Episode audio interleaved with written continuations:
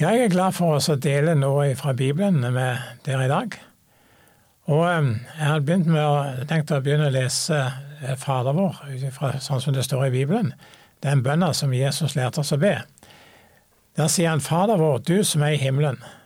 La ditt navn holdes hellig. La ditt rike komme. La din vilje skje på jorda som i himmelen. Gi oss hver dag vårt daglige brød. Tilgi oss våre synder for også vi tilgir hver den som har syndet mot oss. Led oss ikke inn i fristelse, men frels oss fra det onde. Jesus han eh, brukte mye tid til å be til Gud, sin far, og han eh, lærte disiplene også at de kunne snakke til Gud som deres far.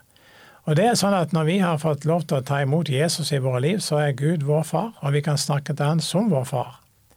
Jesus var ofte alene og brukte mye tid til å snakke med sin far, så det som kalles å be.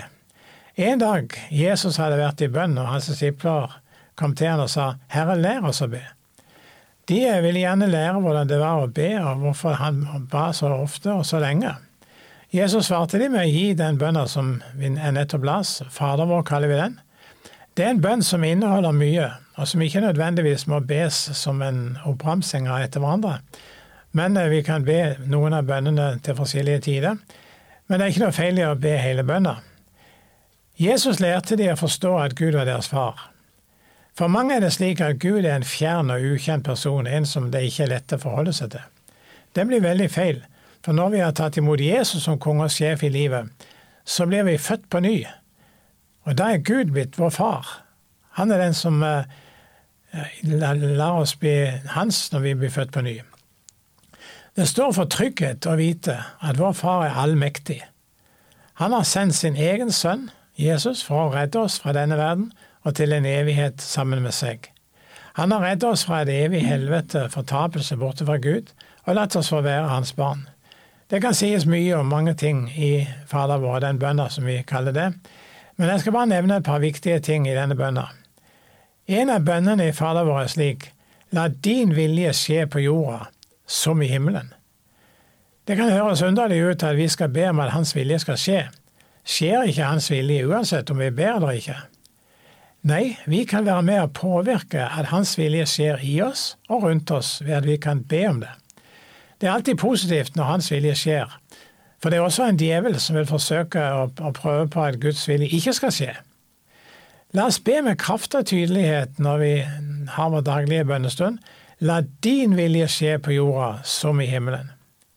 Han lærte oss også å be La ditt rike komme. Det er ikke Gud eller Jesus som styrer vår verden i dag. Bibelen sier det på denne måten.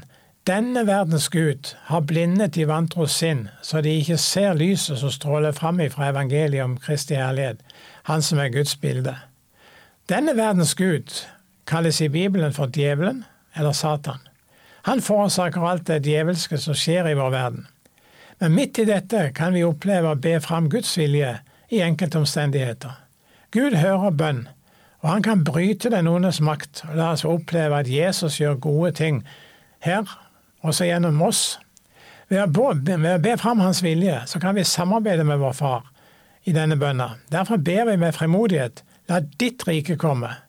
Det er noe som er positivt.